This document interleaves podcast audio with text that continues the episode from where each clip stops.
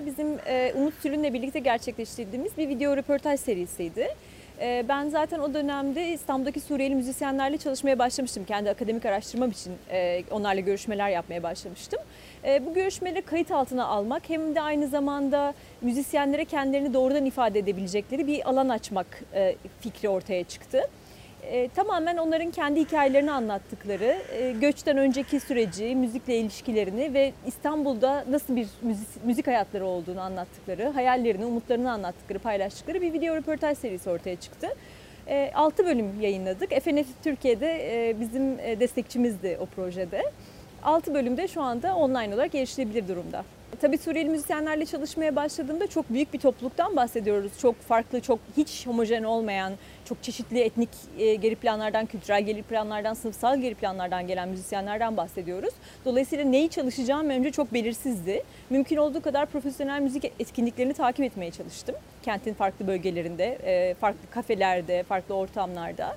E, sokak müzisyenliği çok görünürdü. İstiklal Caddesi'ndeki ve Taksim Meydanı'ndaki sokak müzisyenliği. Onlarla görüşmeye başladım. Daha sonra işte ilişkiler ortaya çıkmaya başladı. Birlikte bazı projeler yaptık. İşte sınırların ötesinden sesler onlardan bir tanesi. İstanbul Bienalinde birlikte bir atölye gerçekleştirdik göçmen müzisyenlerle.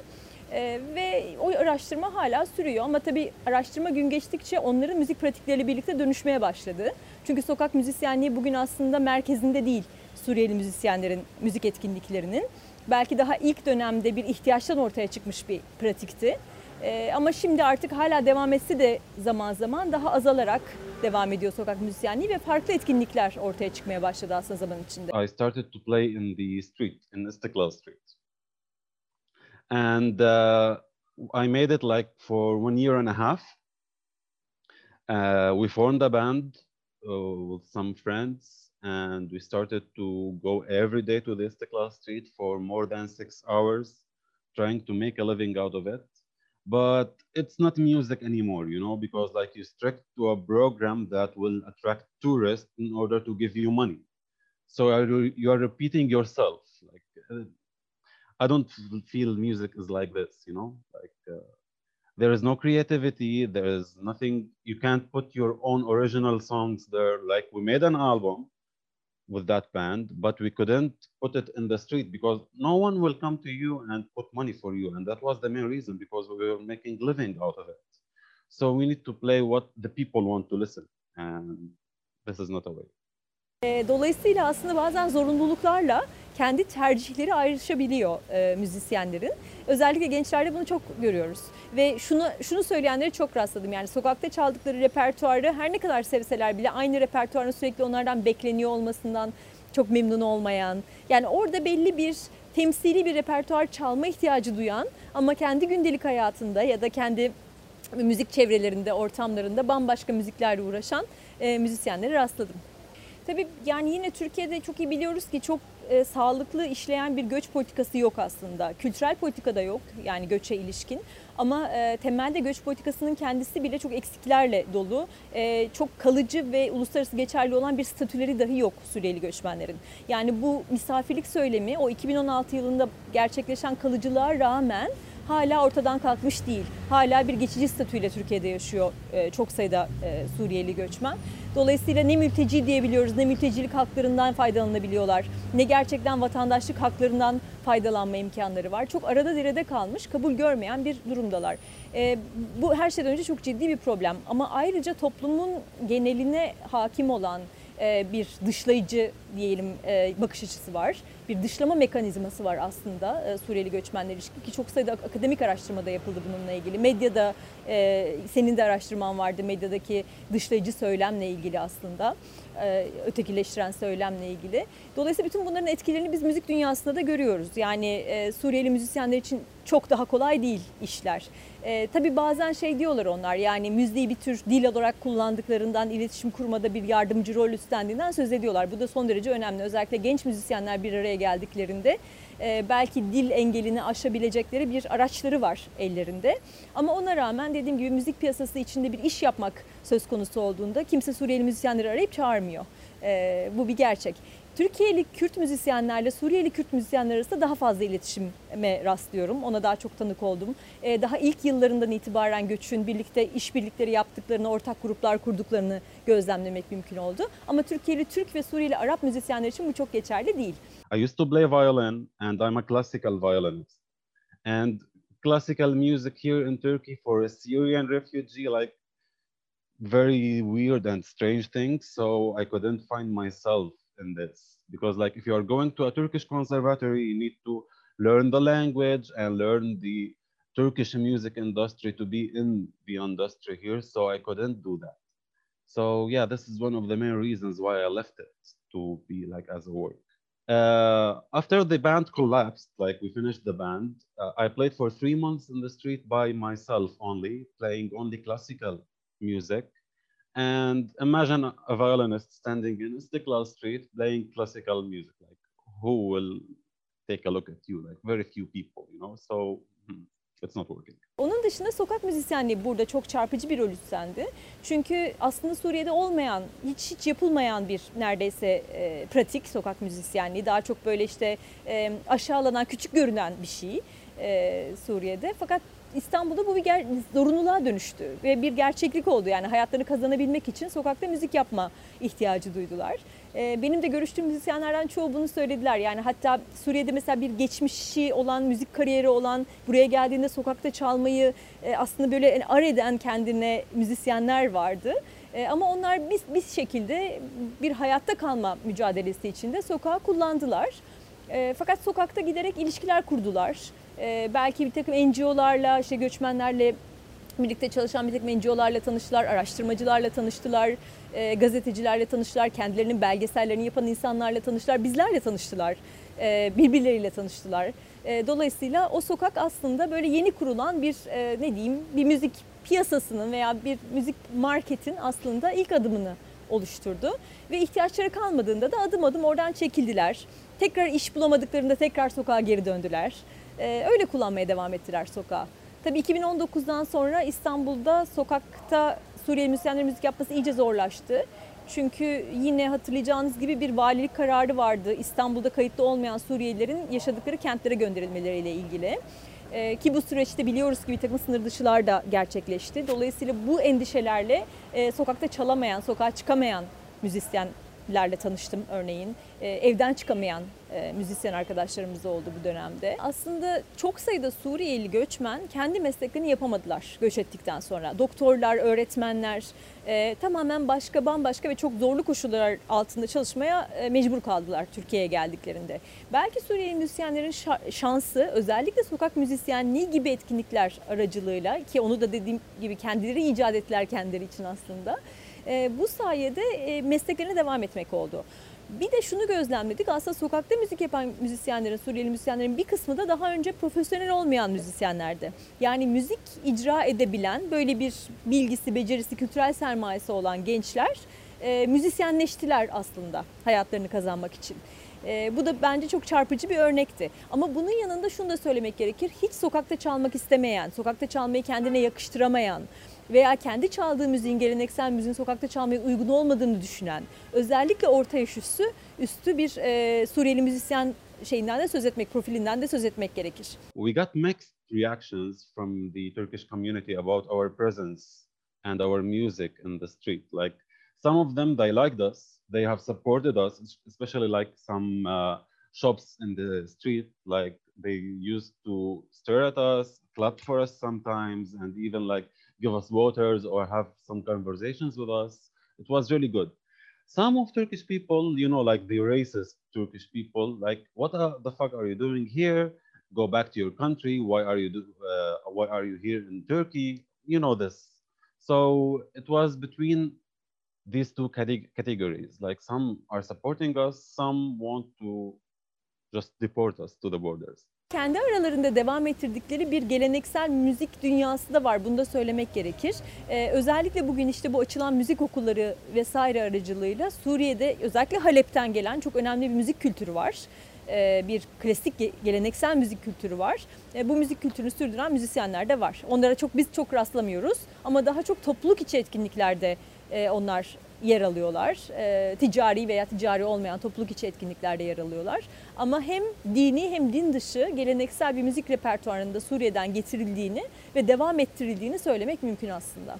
Bu müzik okulları genelde Suriyeli müzisyenlerin kendi kurdukları müzik okulları. Ee, bazıları bunların içinde dediğim gibi belli bir müzik kültürünün aslında taşıyıcısı olan önemli e, temsil edici isimler de olabiliyor. Örneğin Aksaray'da böyle bir müzik okulu var. Ee, bir geleneksel e, müzik icracısının kendisinin açtığı bir müzik okulu var.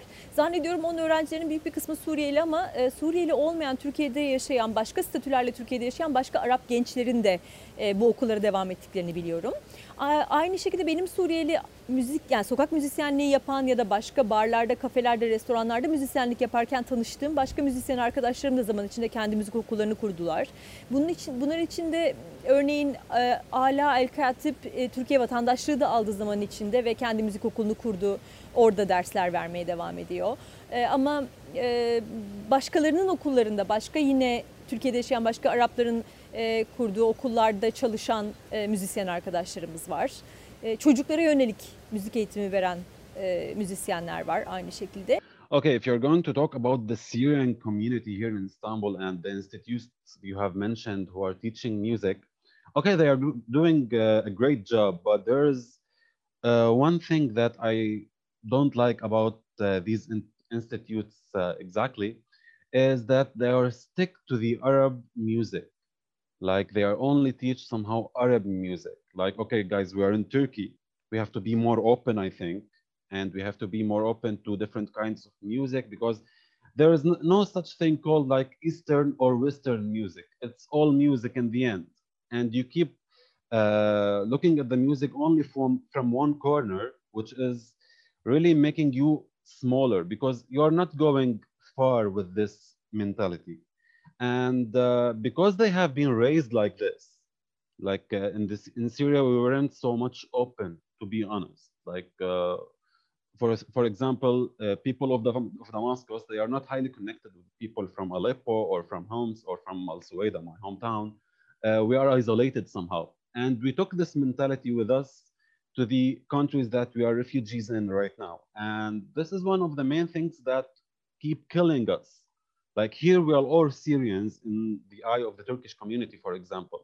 They don't know about these differences that uh, we feel against each other.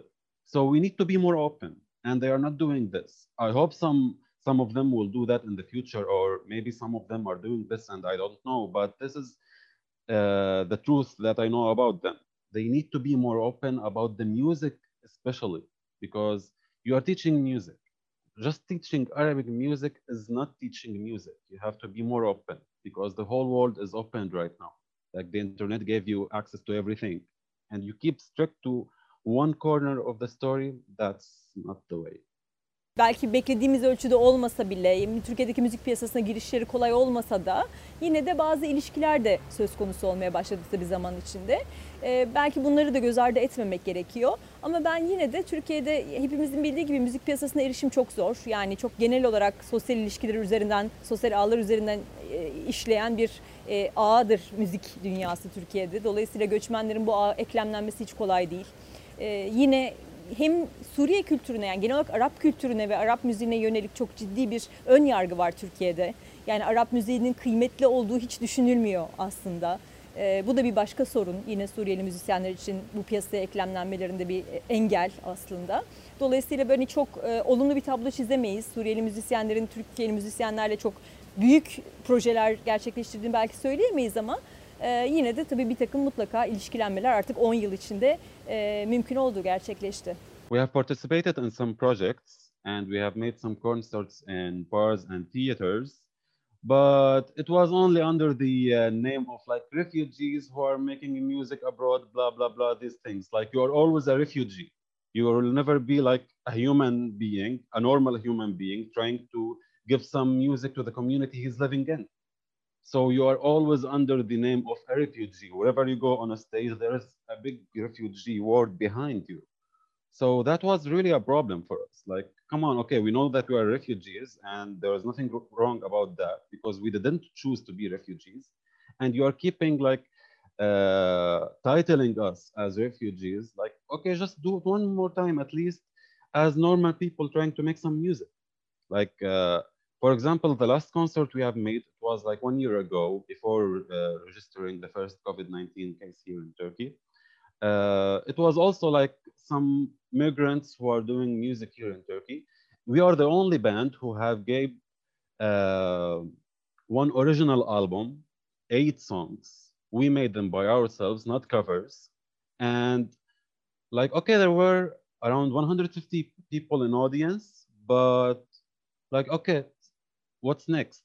Like you are making original music, which you deserve to take some uh, responsibility from the community you are producing this music for, and nothing happens.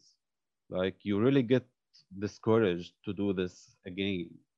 So since one year, no musical activities at all, due to COVID for sure, but still like there is nothing to encourage you to do this anymore. Uh, there is one Turkish band which I think you know, Debdebe. Yeah, like uh, we have made that concert with them uh, in the last year, like one year and a half before, I think. Uh, they they offered us a collaboration, and it was really great thing to offer to us because uh, they have their audience, they have uh, their name, and like they are accepted in, let's say the bars around Taksim and Kediko, like they know them, and whenever they go to a place they want to make a concert, like it's completely accepted, and they have their audience, as I told you. So they told us once to come and join them, and it was really a great opportunity for us because there were a lot of Turkish people who didn't hear about us, and it was the first time for them to see us. Like, oh, there is some Syrian band who's trying to make some original music here, and they noticed us because of Debdebi. So yeah, uh, they have gave us a really great opportunity and I would love to thank them by the way. Rap müzik bildiğimiz gibi yine Türkiye'de olduğu gibi yani yurt dışında da Almanya'daki Türkiye'lilerin rap biz müzik pratiklerini çok biliyoruz. Çok önemli çalışmalar yapıldı bunlarla ilgili. E, dünyanın her yerinde aslında göçmen gençlerin çok temel ifade araçlarından bir tanesi. Ama ben bana kalırsa bugün zaten bütün gençlerin çok önemli. Senin de dediğin gibi e, yerli gençlerin de çok önemli ifade araçlarından bir tanesi halinde. Belki işte 90'larda rock'tı şimdi rap hani diyoruz her zaman. E, bu Suriyeli müzisyenler için de farkı değil. Bir kere şunu unutmamak gerekiyor. Suriyeli gençler buraya geldiklerinde tarihsiz olarak bir geçmişsiz olarak gelmiyorlar buraya. Zaten bu müziği belki orada da yapıyorlardı, orada da dinliyorlardı. Zaten bu insanlar dünyanın birçok yeriyle ilişki halindeydiler. E, biz genellikle göçü böyle bir bir anda olup biten, bir anda başlayan bir süreç gibi düşünüyoruz ama e, müzisyenlerin aslında bir geçmişleri var ve o geçmişle birlikte buraya geliyorlar.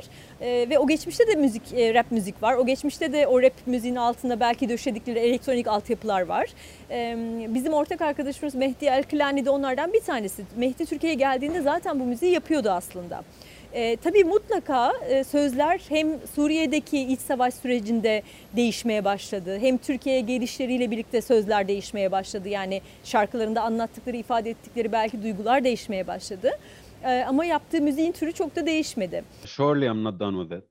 Never will be done with it. Like no matter how many times I get disappointed, I'll keep doing this because I didn't waste like 16 or 17 years of my life thinking about this and working for this to just throw it in the trash. It's not going to happen. But right now, because of COVID, uh, there are no plans completely. And whenever there is uh, an opportunity for a concert or a project or even like a gathering, jam session or whatever, I'm completely in because I really miss the stage. I really miss being with people making some music because man it's a different feeling. Like whoever who have tried this will get addicted to it from the first time and will never stop it. Never